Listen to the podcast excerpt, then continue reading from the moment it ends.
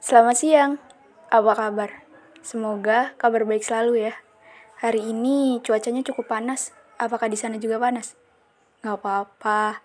Yang penting nggak panas ngeliat dia udah sama yang lain. Selamat tanggal 2.